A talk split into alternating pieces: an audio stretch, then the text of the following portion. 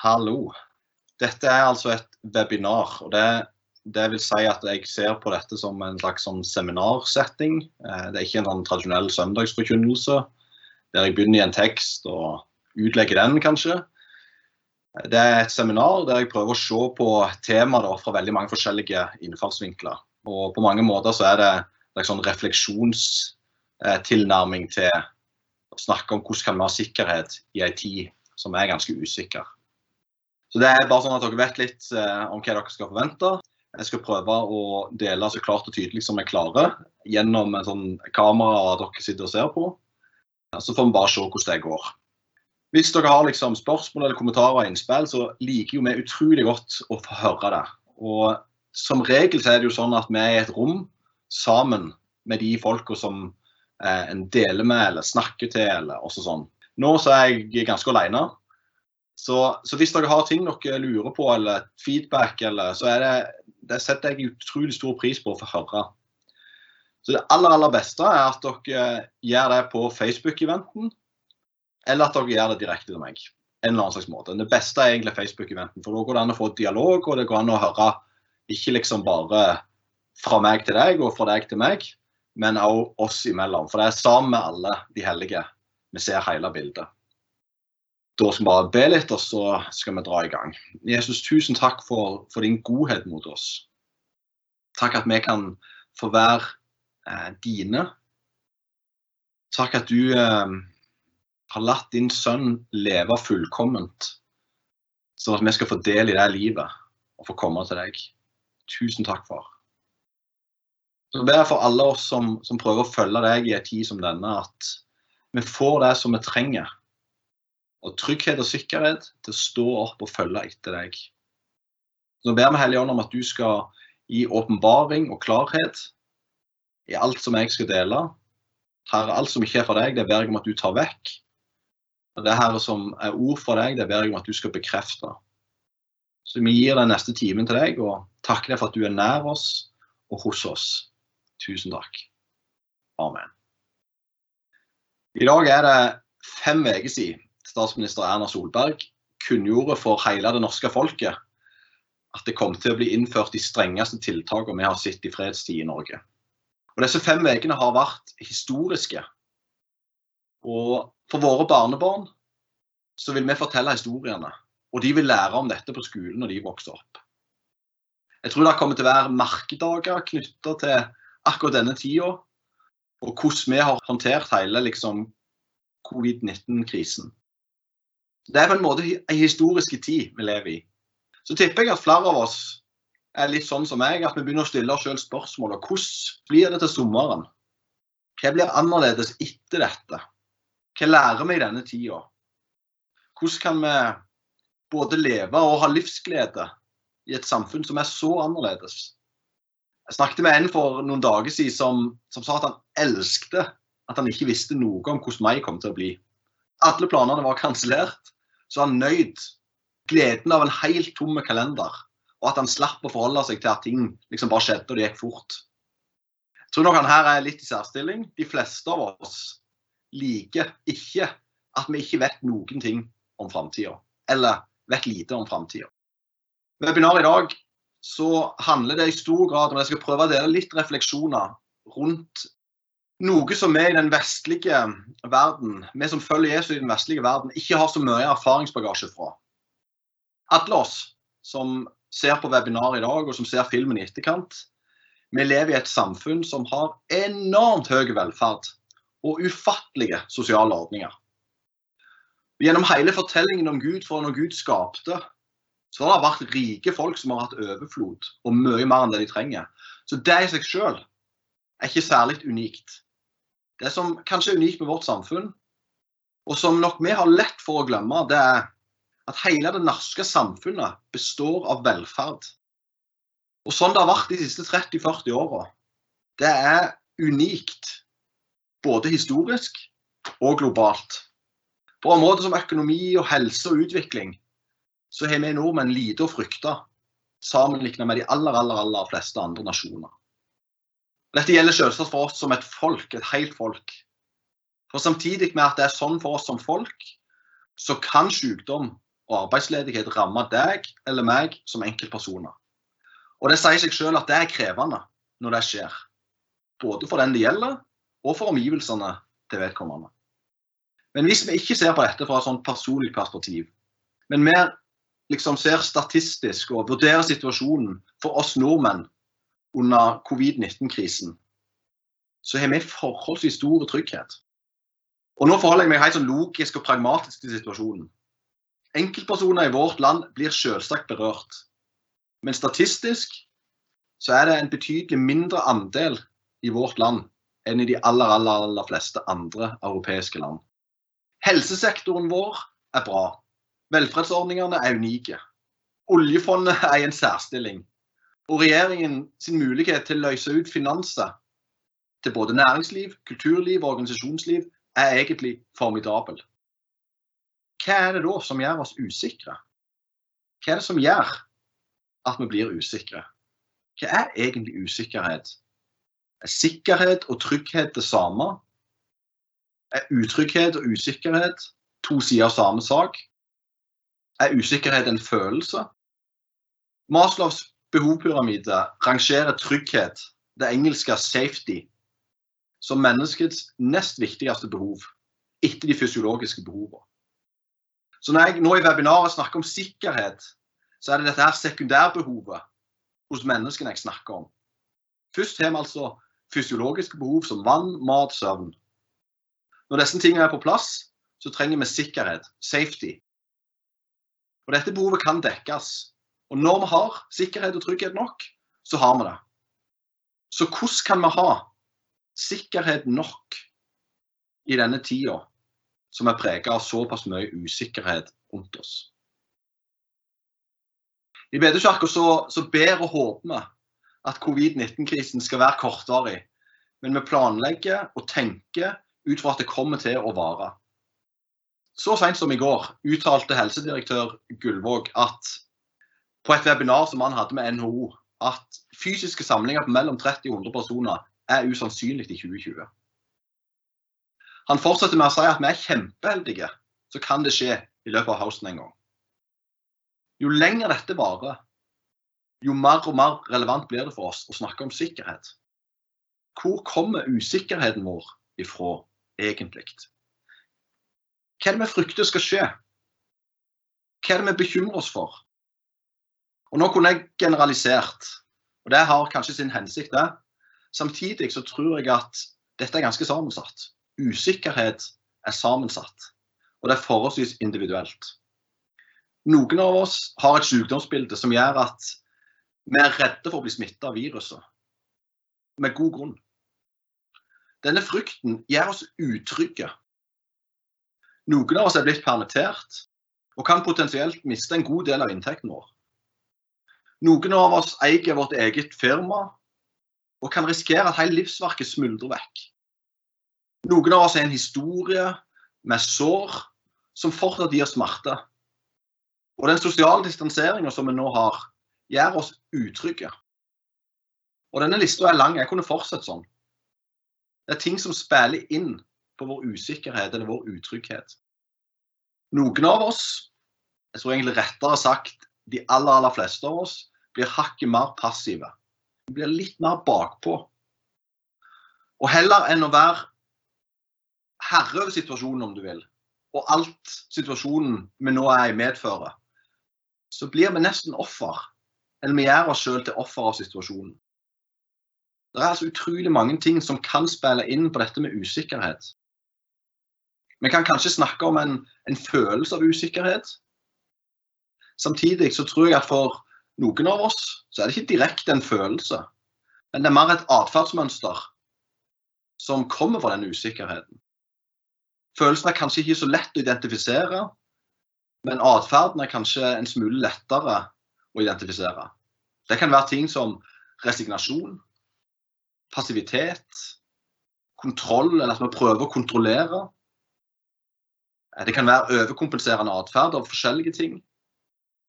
Disse tingene kommer kanskje av at vi egentlig er usikre. Og atferden er på mange måter vår respons for å prøve å gjenopprette sikkerheten. For den vil vi egentlig ha. Det er et grunnleggende behov hos oss. Det som jeg skal si nå, det er ikke noe jeg vet med sikkerhet. Men jeg tror at noe av det som er mest utfordrende, er at vi ikke vet hvordan framtida blir. Vi vet ikke hvordan resten av 2020 blir. Alt blir antakelser. Og når framtida ikke er sikker, da er det sånn at for de fleste av oss så blir også nåtida usikker. Vi vet om fortida. Vi vet at påskeferien 2020 ble rimelig annerledes. Men vi vet ikke hvor sommerferien blir. Vi vet kanskje ikke engang når vi kommer til å vite. Er de 30 000 jeg har brukt på flybillett og Airbnb, lost? Eller får vi reise på ferie som planlagt? Får vi pengene tilbake? Får vi litt tilbake? Jeg vet ikke. Noe vet jeg, eller noe antar jeg, men det er ikke sikkert. Hvordan går det med arbeidsplassen min etter covid-19? Kan det være jeg mister jobben i september? Helsemyndighetene sier at halvparten minst av Norges befolkning vil bli smitta. Når skal det skje, da, egentlig? Jeg hører helseministeren si at vi har kontroll nå. Hva betyr det å ha kontrollen, egentlig? Akkurat nå så er smittespredningen låg i Rogaland. Men kommer det en neste bølge? Når kommer den? Og hva skjer når den bølga kommer? Blir det fem-seks nye uker da, som er like de vi nå har hatt? Jeg klarer ikke fem nye uker med hjemmeskolering. Skal jeg planlegge noe for høsten? Når kan jeg igjen fylle bordet med gode venner og mat og latter? Jeg lengter etter det. Bare si når, så har jeg et håp. Når kan jeg treffe kompisene igjen til den ukentlige fotballen? Når vi lærer, og det er skulder mot skulder, og det er temperament og vinnervilje. Når skjer det igjen? Kan vi gjøre det i sommer? Hva om neste bølge med smitte kommer i juli? og fritidsreiser mellom kommuner blir forbudt? Hva med ferien vår? Kan vi planlegge ferie, eller må vi bare ta det som det kommer? Og ikke vite svar på alle disse spørsmålene gjør oss usikre. Hvor lenge blir friheten min begrensa? Dere vet vi er privilegerte i Norge som har årlige helgeturer til København eller Roma. Vi som kjøper nye klær når moten endres eller som bare kjøper ny TV når den gamle ryker.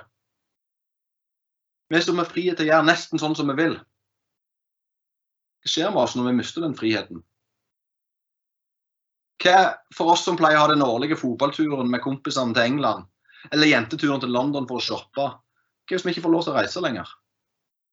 Hva er vi som i tillegg til å ha en jobb, vi har hobbyer som tar timevis hver uke. Heldigvis skole, barnehage og fritidsaktiviteter til kidsa sånn at vi kan pleie hobbyene. Hvis vi mister friheten til å holde på? Og I tillegg til dette så kan det være økonomien vår begrenses. Livet vårt blir begrensa de neste tolv månedene. Og kanskje lenger enn de neste tolv månedene. Men vi vet ikke. Vi vet ikke hva, men vi vet at det blir. Vi vet ikke hvor stor grad. Vi vet ikke hvor stor grad det påvirker oss.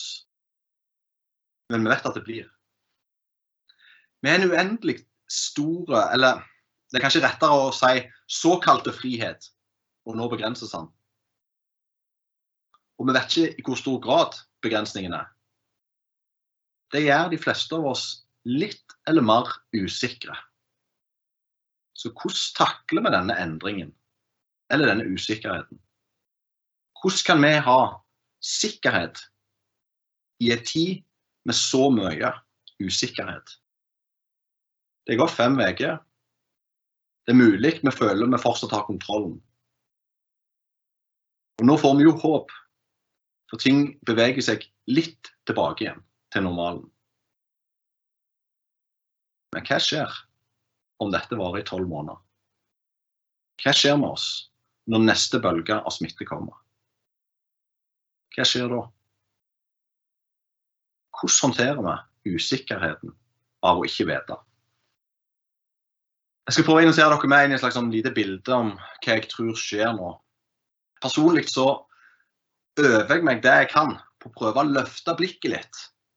Og aller helst begynne å se på situasjonen fra Guds perspektiv. Dette er fordi jeg tror Gud er allmektige og suverene. Personlig så liker jeg ikke å si at Gud har kontroll. For når noen kontrollerer noen, da fjernes den frie viljen. Gud er suveren. han er sterkere, han elsker, han er nådig. Han er all makt, men han kontrollerer verken deg eller meg. Heldigvis kan jeg sjøl velge å gå i pakt med Gud. Og Da får jeg del i hans identitet, og han tar på seg min. I tillegg til at jeg tror at Gud er større og sterkere, har skapt alt det står bak absolutt alt, så tror jeg òg at Gud er nær og personlig. Gud er ikke langt vekke fra vår verden. Å være personlig vil bl.a. si at han taler, snakker, kommuniserer, søker fellesskap. Jakob skriver i sitt brev at vi skal holde oss nær til Gud, så holder han seg nær til oss. For noen av oss kan det kanskje kjennes som om Gud er fjernet. Kanskje, og nå sier jeg kanskje, kanskje det er du som ikke holder deg nær til Gud. Jeg vet ikke. Og for å komme nær til Gud, så trenger du å igjen omvende deg. Det vil si egentlig erkjenne at du har gått din egen vei. Og nå velger du igjen å la livet ditt legge seg ned midt i Guds omsorg. Og du tar av korset ditt og følger hver dag. Guds nærhet er ikke en lykkefølelse. At Gud er nær, en virkelighet som jeg velger å tro er sann. Jeg tror ikke covid-19 er Guds dom over verden. Jeg tror ikke covid-19 er skapt eller initiert av Gud. Det er noe jeg tror. Det er et faktum jeg tror på. Jeg tror òg at Gud taler til oss gjennom covid-19. Jeg tror Gud taler gjennom covid-19 til deg personlig. Og jeg tror han taler til oss som bedehuskirke. Og han tror han taler til hele sin kirke på jorda. Skal vi lese litt fra Hebreabrevet kapittel 12. Se til at dere ikke avviser han som taler. De som avviste han som talte gudsomsord her på jorda, kom ikke unna. Enda mindre skal vi komme unna hvis vi vender oss vekk fra han som taler på himmelen. Den gangen fikk hans røst jorda til å skjelve. Men nå har han lovt. Enda en gang vil jeg riste ikke bare jorda, men også himmelen. Her står det enda en gang. Dette viser at det som kan rokkes fordi det hører det skapte til, skal skiftes ut. For at det som ikke kan rokkes, skal bestå. Derfor, siden vi får et urokkelig rike, så la oss være takknemlige og med takk gjør vår tjeneste i Guds frykt og ærefrykt til glede for Gud. For vår Gud er en fortærende ild. I møte med vår situasjon akkurat nå, så sier Bibelen Se til at dere ikke avviser Han som taler. Jeg får en sånn følelse som om at Gud roper til oss Hei, folkens! Får dere med dere hva jeg sier? Hør! Jeg tror ikke det er noe nytt Gud vil prøve å si til oss nå. Men han gjerne kvisker dette stille til oss i årevis. Og nå roper han til oss! Enda mindre skal vi komme oss unna hvis vi vender oss vekk fra han som taler fra himmelen. Hører vi det? Vil du stoppe opp og lytte til hva Gud sier til deg akkurat nå? Covid-19-situasjonen og tiltakene i det norske samfunnet gjør at livet vårt ristes. Og Det er jo det denne teksten her sier, at Gud enda en gang vil gjøre. Grunnen til at han gjør det, er for å skifte ut det skapte som kan rokkes, med det som ikke kan rokkes, og som skal bestå. Det jeg lurer på, er om at vi som har levd i sånn velferdssamfunn som det vi gjør, faktisk har bygd vår sikkerhet en annen plass enn der vi bør ha sikkerheten vår. Og Nå snakker jeg til oss som tror på Jesus og følger han. Vi som har valgt å underlegge oss kongenes konge. Er det mulig at livet vårt ikke har Jesus i sentrum, som den faste klippe, som er helt solide og urokkelige? Er det mulig at vi aldri før har møtt en situasjon der sikkerheten vår rokkes som nå? Og grunnen til at vi blir usikre, er at sikkerheten vår faktisk egentlig ikke er hos Gud, men i velferdslivet vårt stiller bare spørsmålet. Hva som gjør at vi blir usikre nå? Det er litt sånn naivt sagt, dette her, men for oss som har vår truskap til Gud, er plutselig ikke vår Gud fullstendig urokkelig, solid å stå på lenger. Hva om det er Gud i sin nåde til oss? Når han ser at vi i lang tid har bygd livet vårt på noe annet enn han, så bruker han covid-19 til å rope i nåde til oss. Det finnes noe trygt du kan bygge livet ditt på. Det finnes et helt annet fundament. Det finnes noe som ikke kan rokkes, selv om alt annet rokkes. Det finnes noe som skal bestå. Og du kan faktisk få lov til å skifte ut det som kan rokkes, med det som ikke kan. Og Jeg har prøvd å kviske dette til deg i årevis, men du har ikke hørt det. Så nå roper jeg i nåde, fordi jeg vil at du skal ha tillit og stole på meg. Og plassere livet ditt på meg og meg alene. Utrolig strevsomt for oss å ha livet bygd på noe som kan rokkes. Det er ikke like slitsomt å ha livet stående på noe som er helt urokkelig, og som i tillegg skal bestå. Det er trygt og sikkert å være en sånn en plass for å ta det kanskje litt dypere, så lurer jeg på om Gud sier til oss som kirke Det som rokkes for oss, er vår måte å møtes på. Og for de fleste av oss har nok dette vært fundamentet for vårt personlige liv med Gud. Vi er forholdsvis jevnlig kommet sammen med storfamilien i gudstjeneste. Her hører vi forkynnelse, vi tilber Jesus og vi blir inspirert. Så har vi møtt våre nærmeste i ei stove og delt det lille fellesskapet gjennom å være nær hverandre så skjer covid-19, og disse strukturene tas mer eller mindre vekk fra oss. Hva skjer med vår relasjon til Jesus når rammene for relasjonen fjernes? Denne strukturen vi har hatt, er jo helt klart rokkelig. Det er ikke sånn at han bare rokkes, den er faktisk blitt fjerna for en stund. Rokkes av relasjonen til Gud da? Eller er relasjonen vår til Gud gjennom Jesus bygd på noe som ikke kan rokkes.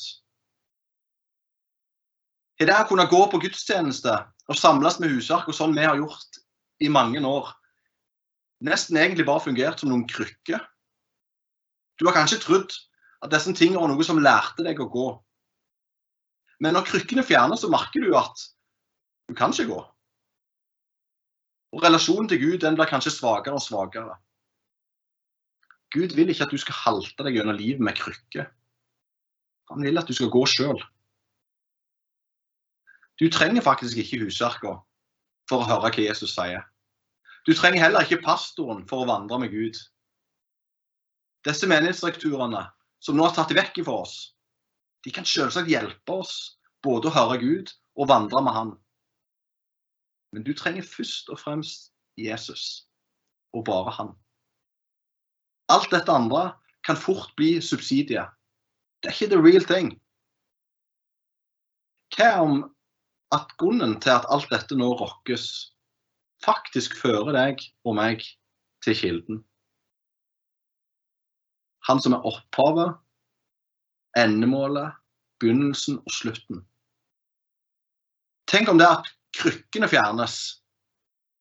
Tenk om at det gjør at du finner kilden, sånn at du kan gå sjøl.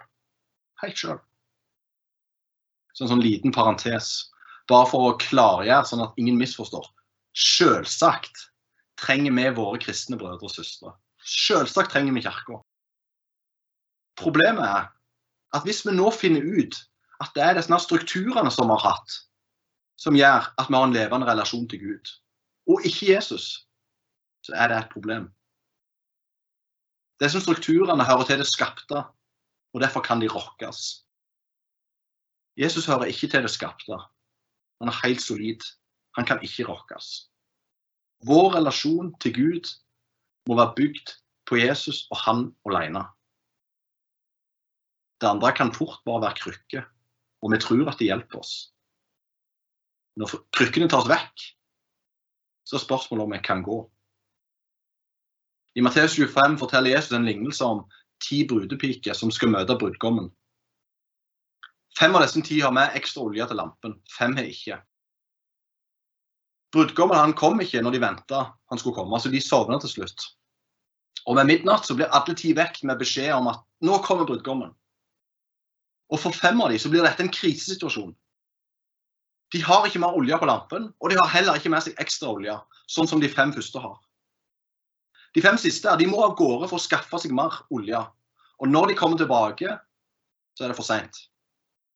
Jesus avslutter lignelsen med å si vær våkne. Dere kjenner ikke dagen eller timen.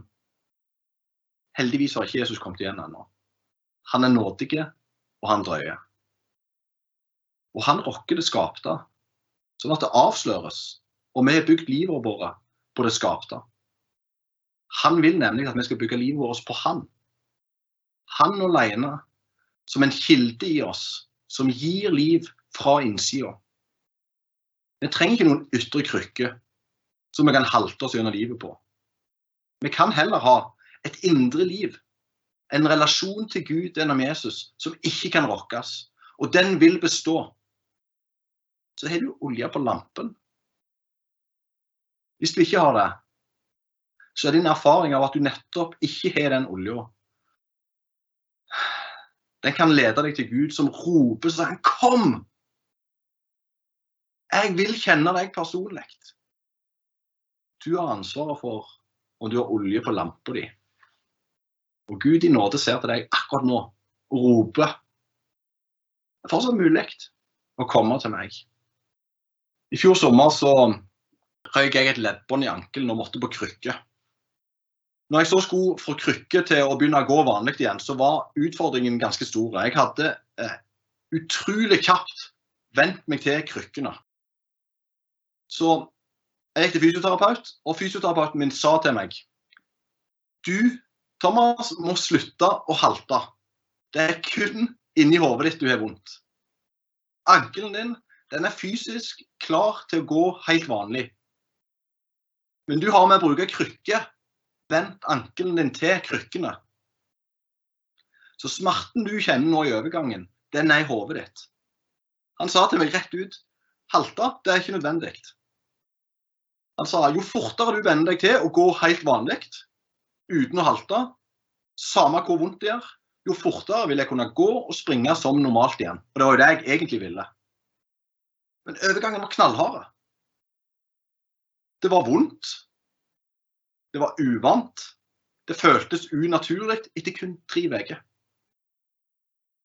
Fysioterapeuten ga meg en sånn praktiske øvelser til hvordan jeg kunne trene opp ankelen. Som jeg skulle gjøre hver eneste dag i denne overgangen. Så gikk det noen uker. Tre, fire, fem uker. Til å begynne med var det vanvittig mye smerte og konsentrasjon. Men jeg gikk normalt igjen. Det er kun inni hodet ditt det er vondt, sa han. Til alle oss som er vant til å følge Jesus med krykke, så vil jeg si at det er overgangen som er krevende. For det blir så lett sånn at vi tenker det er unaturlig. Eller dette her er vi jo ikke vant til. Jeg har jo aldri gjort det sånn før. Det, jeg har gjort det på en annen møte, og jeg har jo, jeg har jo kommet meg fra A til B. Det er mye enklere å bare høre en tale av Thomas og høre hva han deler at Jesus har sagt til han. Det er så viktig krevende å begynne å måtte høre Jesus sjøl. Det er jo både uvant og smertefullt og frustrerende. Fysioterapeuten sa til meg jo fortere du venner deg til å gå vanlig sjøl, jo fortere forsvinner smerten. Eller du kan selvsagt bare fortsette, sette deg ned og håpe at ting skal bli som de var før. Eller du kan fortsette å gå på krykke resten av livet. Jeg vet godt at det jeg sier nå er utfordrende for de fleste av oss. Men jeg tror bare Jesus har så mye mer for oss enn et liv på krykker, der vi halter videre gjennom livet. Jeg tror faktisk at du kan ha en personlig relasjon til Gud gjennom Jesus. Og jeg tror Gud er villig til å gjøre hva som helst for å gjøre den relasjonen til Han, til sentrum av ditt og mitt liv. Jeg tror Gud er villig til hva som helst. Like etter denne lignelsen om brudepikene så forteller Jesus en annen lignelse om talentet. Og Dette er en litt sånn krevende lignelse for oss som bor i velferdsstaten, der nesten alt er bygd på sosial likhet. Lignelsen står i Matteus 25 og fra vers 14 utover. og Den forteller oss at vi har fått ulike mengder talenter. Så i møte med at vi tar krykkene vekk og skal prøve å finne ut hvordan det er å gå sjøl, så må vi huske på dette, at vi har ulike mengder talent. Vi sammenligner oss så utrolig lett med andre. Og oftest sammenligner oss med de som har flere talent enn det vi sjøl har. Sånn er det iallfall for meg. Jeg lytter til en leder som underviser, en som jeg ser opp til. Vedkommende han har undervist andre ledere i 40 ulike land. Han har skrevet fem bøker. Han har 4900 venner på Facebook. Så har jeg en underviser så tenker jeg ah, shit, sånn skulle jeg sagt det. Eller sånn som det er, ah, sånn skulle jeg tenkt. Eller ja, smart. Vedkommende har jo helt klart mer talent enn meg. Men jeg glemmer det. Så blir det så fort at jeg sammenligner meg, og da mislykkes jeg. Og jeg føler meg mislykkes. I plassen for å være takknemlige for at jeg kan lære av han som har flere talent enn meg, så føler jeg meg mislykka, for jeg vil være som han. Ikke sammenligne deg med han eller hun som står klokka seks for å be en time før jobb, og som i tillegg evner å lese 20-30 minutter i Bibelen hver dag, og får 10-30 minutter stillhet hver eneste kveld. Kjenner du noen som er sånn, så er det stor sjanse for at vedkommende har flere talenter enn deg. Ikke sammenligne deg med dem. Denne lignelsen er litt krevende for oss. Men budskapet er at uansett hvor mange talenter du har, så er du ansvarlig for de som du har fått. Så er du ett talent, har du ansvar for det ene talentet. Har du fått fem talent, har du ansvar for de fem, osv. Siste delen av webinaret skal jeg bruke til å prøve å svare på dette spørsmålet, som er tema for webinaret. Hvordan har sikkerhet i en tid som er usikker? Fram til nå så har jeg delt en del sånn refleksjoner rundt hva som skjer, hvorfor vi er usikre osv. Og, så og det er nyttig nok. Men det svarer ikke nødvendigvis på hvordan vi kan ha sikkerhet. Maslow, som lagde behovspyramiden, sa òg at de tre nederste behovene i pyramiden er såkalte mangelbehov som kan mettes. Behovet for sikkerhet, som er det behov nummer to, det kan altså mettes. Sånn at en har trygghet, sikkerhet nok. De to øverste i pyramiden, de kan ikke mettes. Men det går an å komme til det at vi har trygghet, sikkerhet nok. En annen måte å beskrive dette at samfunnet vårt rustes på, er å kalle det for et jordskjelv. Og vi her oppe i nord i Norge, vi har aldri, eller de fleste av oss har iallfall aldri opplevd et ordentlig jordskjelv. Vi har lært om det, lest kanskje om det, sett det på TV. Jordskjelv det er at jordoverflaten rokkes, ristes. Og etterpå ser landskapet annerledes ut. Jo større jordskjelvet har vært, jo større blir landskapsendringene. Etter et jordskjelv fungerer ikke det gamle kartet lenger. Jordskjelv gjør at når det før var en høyde, er det nå kanskje helt flatt. Eller der det var en fordypning, er det nå blitt en høyde. Det gamle kartet virker ikke etter jordskjelvet. Så hva gjør en da? En skal navigere. Et gatekart er jo som Google Maps over Bryne. De fleste av oss som bor her på Bryne, vi har det inni hodet vårt. Vi vet hvorfor noen gater vi må gå når vi skal forflytte oss fra A til B. Vi kan kartet i hodet. Kartet gir oss et korrekt bilde av landskapet. Og Når vi da har kartet, er det forholdsvis lett å komme oss der vi ønsker. Hvis vi ikke kan kartet utenat, så kan vi hente det fram. Og det gir umiddelbar hjelp, sånn at vi kan bevege oss rett for å nå målet vårt. Samfunnet vårt går nå gjennom et jordskjelv. Vi som enkeltpersoner går gjennom et jordskjelv. Og kartet stemmer ikke lenger med terrenget. Før kunne vi samles med storfamilien, høre forkynnelse, tilbe Jesus, oppleve gleden av å være mange. Samtidig så møtte vi vår nærmeste i en sofa eller rundt et bord til kvelds hver eneste uke. Vi kunne leve misjonale liv i en haug med ulike sosiale settinger som nå ikke lenger finnes alle disse tingene her er som et slags kart. Og hvis vi bare gjorde de, så erfarte vi at det tok oss der vi skulle. Hvis vi var på gudstjenesten, lytta til forkynnelsen, lot den komme inn i livet vårt til forvandling. Så vi levde sammen med noen folk som vi delte med, som ba for oss, som vi fikk oppmuntra. Og vi prøvde å leve misjonale liv og strekke oss mot folk som ikke kjente Jesus. Så finner vi ut at vi vokser i tro av å gjøre disse tingene. Kartet fungerte. Kartet tok oss fra der vi var, til der vi skulle. Nå kan vi ikke gjøre dette lenger. Kartet stemmer ikke lenger. Og når kartet ikke fungerer lenger, så må vi ta i bruk kompasset. Og et kompass, det vil ta deg der du skal, uten at du har kartet. Det er helt sant. Kompasset fungerer også når landskapet har endra seg. Og det står om dette kompasset både rett før og rett etter dette avsnittet der Gud sa at han skal rokke det skapte, sånn at det urokkelige skal bli avslørt og bli stående. Vi skal lese fra hebreerne. Så la oss legge av alt som tynger, og synden som så lett fanger oss inn, og med utholdenhet fullføre det løpet som ligger foran oss. Med blikket festa på Han som er truens opphavsmann og fullender, Jesus. Og så er fra vers 13, kapittel 13 vers 8. Jesus Kristus er i går, før jordskjelvet, og i dag, midt i jordskjelvet, den samme. Ja, til evig tid etter jordskjelvet. Når du ikke kjenner landskapet lenger, er Jesus ei lykt for din fot og et lys på din sti. Og han vil gjøre deg vise og lære deg den veien du skal gå. Dine ører skal høre dette ordet bak deg. Dette er veien. Gå på den. Når du vil til høyre eller til venstre. For mange av oss er det uvant å bruke et kompass, fordi vi kjenner kartet så utrolig godt. Og kartet har fungert. Nå når terrenget ikke stemmer lenger, så er kartet egentlig ubrukelig. Og det er igjen litt som å begynne å gå uten krykke. Vi kan velge å bare sette oss ned og vente på at landskapet skal bli som før, sånn at kartet stemmer med terrenget. Eller vi kan lære oss å bruke kompasset. For det virker. Uansett. Etter et jordskjelv blir faktisk aldri landskapet som det var før.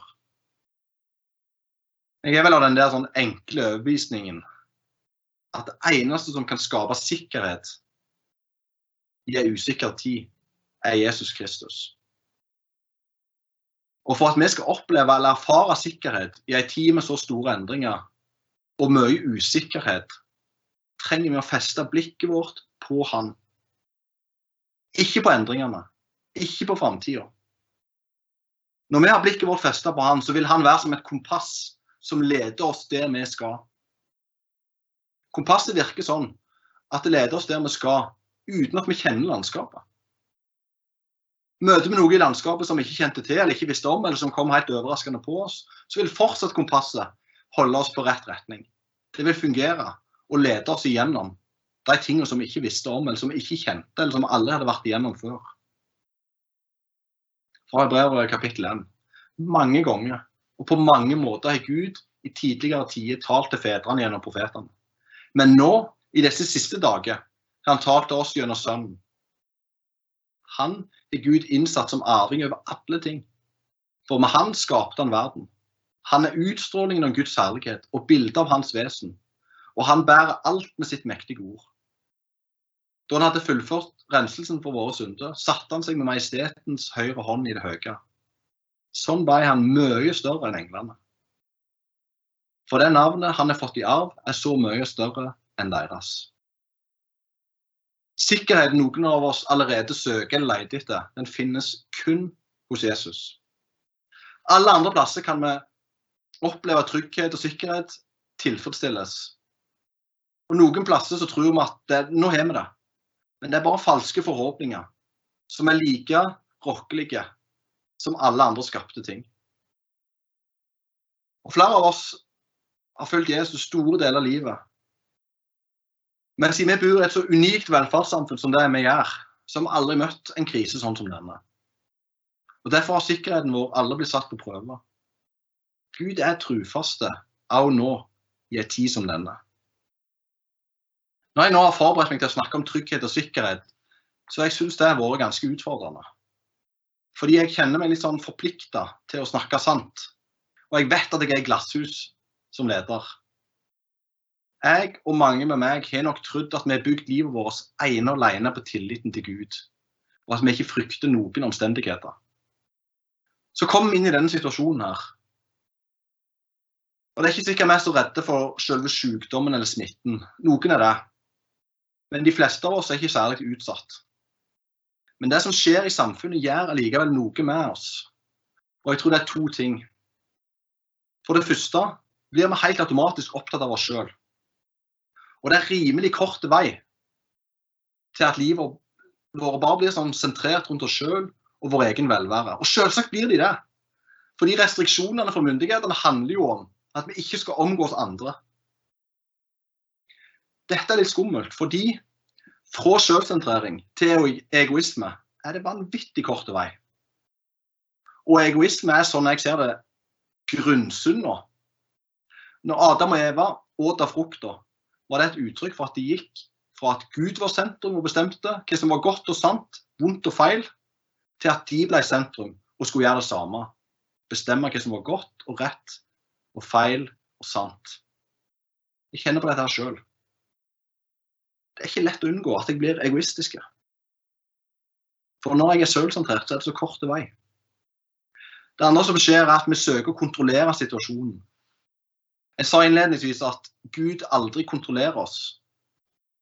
Han har satt oss fri til å velge sjøl. Guds tilnærming er av kjærlighet og til frihet. Fienden derimot, han søker å kontrollere oss. Og det gjør han med å isolere og splitte våre relasjoner. Det eneste som kan hjelpe meg fri fra enten egoisme, at jeg har tatt Guds plass, eller fra kontroll, at jeg handler sånn som fienden gjør, er omvendelse. Fra å gå den egne veien til et liv i tru. Tru er ikke noe som henger i løse lufta. Tru er tett knytta sammen med omvendelse. Å vende seg vekk fra egoisme eller kontroll. Vende seg vekk fra egoisme, det handler bare om meg, til kontroll. Jeg må få oversikten. Jeg må bestemme. Vende seg vekk ifra egoisme eller kontroll. Samtidig som vi venner oss til noe annet. En venner seg til Han som har skapt alt det som kan rokkes, men som er herre og konge i et rike som er urokkelig og evig. Dette handler jo om at ting skal være rett mellom Gud og meg. Evangeliet er jo at Jesus hadde et perfekt liv og sona og har gjort ting rett mellom meg og Gud. Jeg er hjelpeløs. Han er allmektig. Han er sentrum. Jeg er ikke. I det forrige webinaret med Bedehuskirka Arkade, så argumenterte jeg sterkt for at akkurat du lever for en tid som denne. Det må du fortsette å omfavne. Det er en sannhet for ditt liv. Og du må velge hva du skal gjøre i denne tida. Og på mange måter så tror jeg det handler om dette her omvendelsesvalget. Skal jeg bare leve for meg sjøl, og at jeg har kontrollen? Eller skal jeg venne meg til Jesus Kristus? Samme hva du har i livet ditt, er invitasjonen fra far gjennom Jesus at du kan komme til ham. Vi som har fulgt Jesus i årevis, trenger å begynne her. Og du som kanskje aldri har fulgt ham, trenger å begynne akkurat den samme plassen. Jesus forteller en lignelse som vi som følger Jesus, alltid tenker at handler om de som ikke tror. I dag handler denne lignelsen om deg. Å integrere livet sitt i denne fortellingen tror jeg vil gi sikkerhet i en tid med mye usikkerhet. Det var en far som hadde to sønner. En dag sa den ene sønnen at han ønsket å få sin del av arven. Faren ga han det han spurte om. Han levde så sitt eget liv blant de velstående. Og Livet var kanskje ikke en fest alltid, men bekymringene var få. Dagene gikk, og sønnen merket ikke så mye til det. Men den dagen velferden og friheten tok slutt, da merket han det. Han var alene. Dette fikk han til å tenke på faren og tjenestefolka hjemme hos faren. Han lurte på om de kanskje hadde større frihet og mer sikkerhet enn det han hadde. Etter hvert bestemte han seg for å erkjenne. Krype til korset. Gå hjem og si til far Kan jeg få være din tjener? Det denne sønnen ikke visste, var at faren hver dag hadde stått opp og speida etter sønnen sin og håpet at han skulle komme hjem. Så denne dagen her ser faren sønnen som kommer, og han kaster alle hemningene sine og hiver seg rundt halsen på gutten sin og lager en fest for denne sønnen som hadde prøvd å klare seg sjøl. Han hadde innsett at det var hjemme hos far det var sikkerhet. Skal jeg be litt. Jesus, vi, vi kommer til deg fordi vi har prøvd sjøl. Vi er så lett for å bygge livet vårt på noe annet enn deg. Og igjen så bare ber jeg om tilgivelse for at jeg tror at jeg bærer andre plasser enn hos deg. Takk for at du alltid venter med å åpne armer på at jeg skal komme hjem til deg. Takk for at du alltid tar imot. Jesus, jeg har lyst til å be for oss alle at vi skal leve med stor sikkerhet i denne tida med mye usikkerhet. Jesus, hjelp oss å høre deg. Hjelp oss å ta ansvar for at vi skal olje på lampen. Takk for at du vil at vi skal gå helt sjøl. Du vil at vi skal høre deg, og du vil at vi skal kjenne deg. Amen. OK, tusen takk for at dere ble med. Hvis dere har noen spørsmål eller kommentarer eller innspill, så setter vi utrolig stor pris på det. Veldig fint om dere gjør dette på Facebook-eventen, eller at dere sender det direkte. Det er helt fint. Ha ei strålende fin helg. Takk for meg.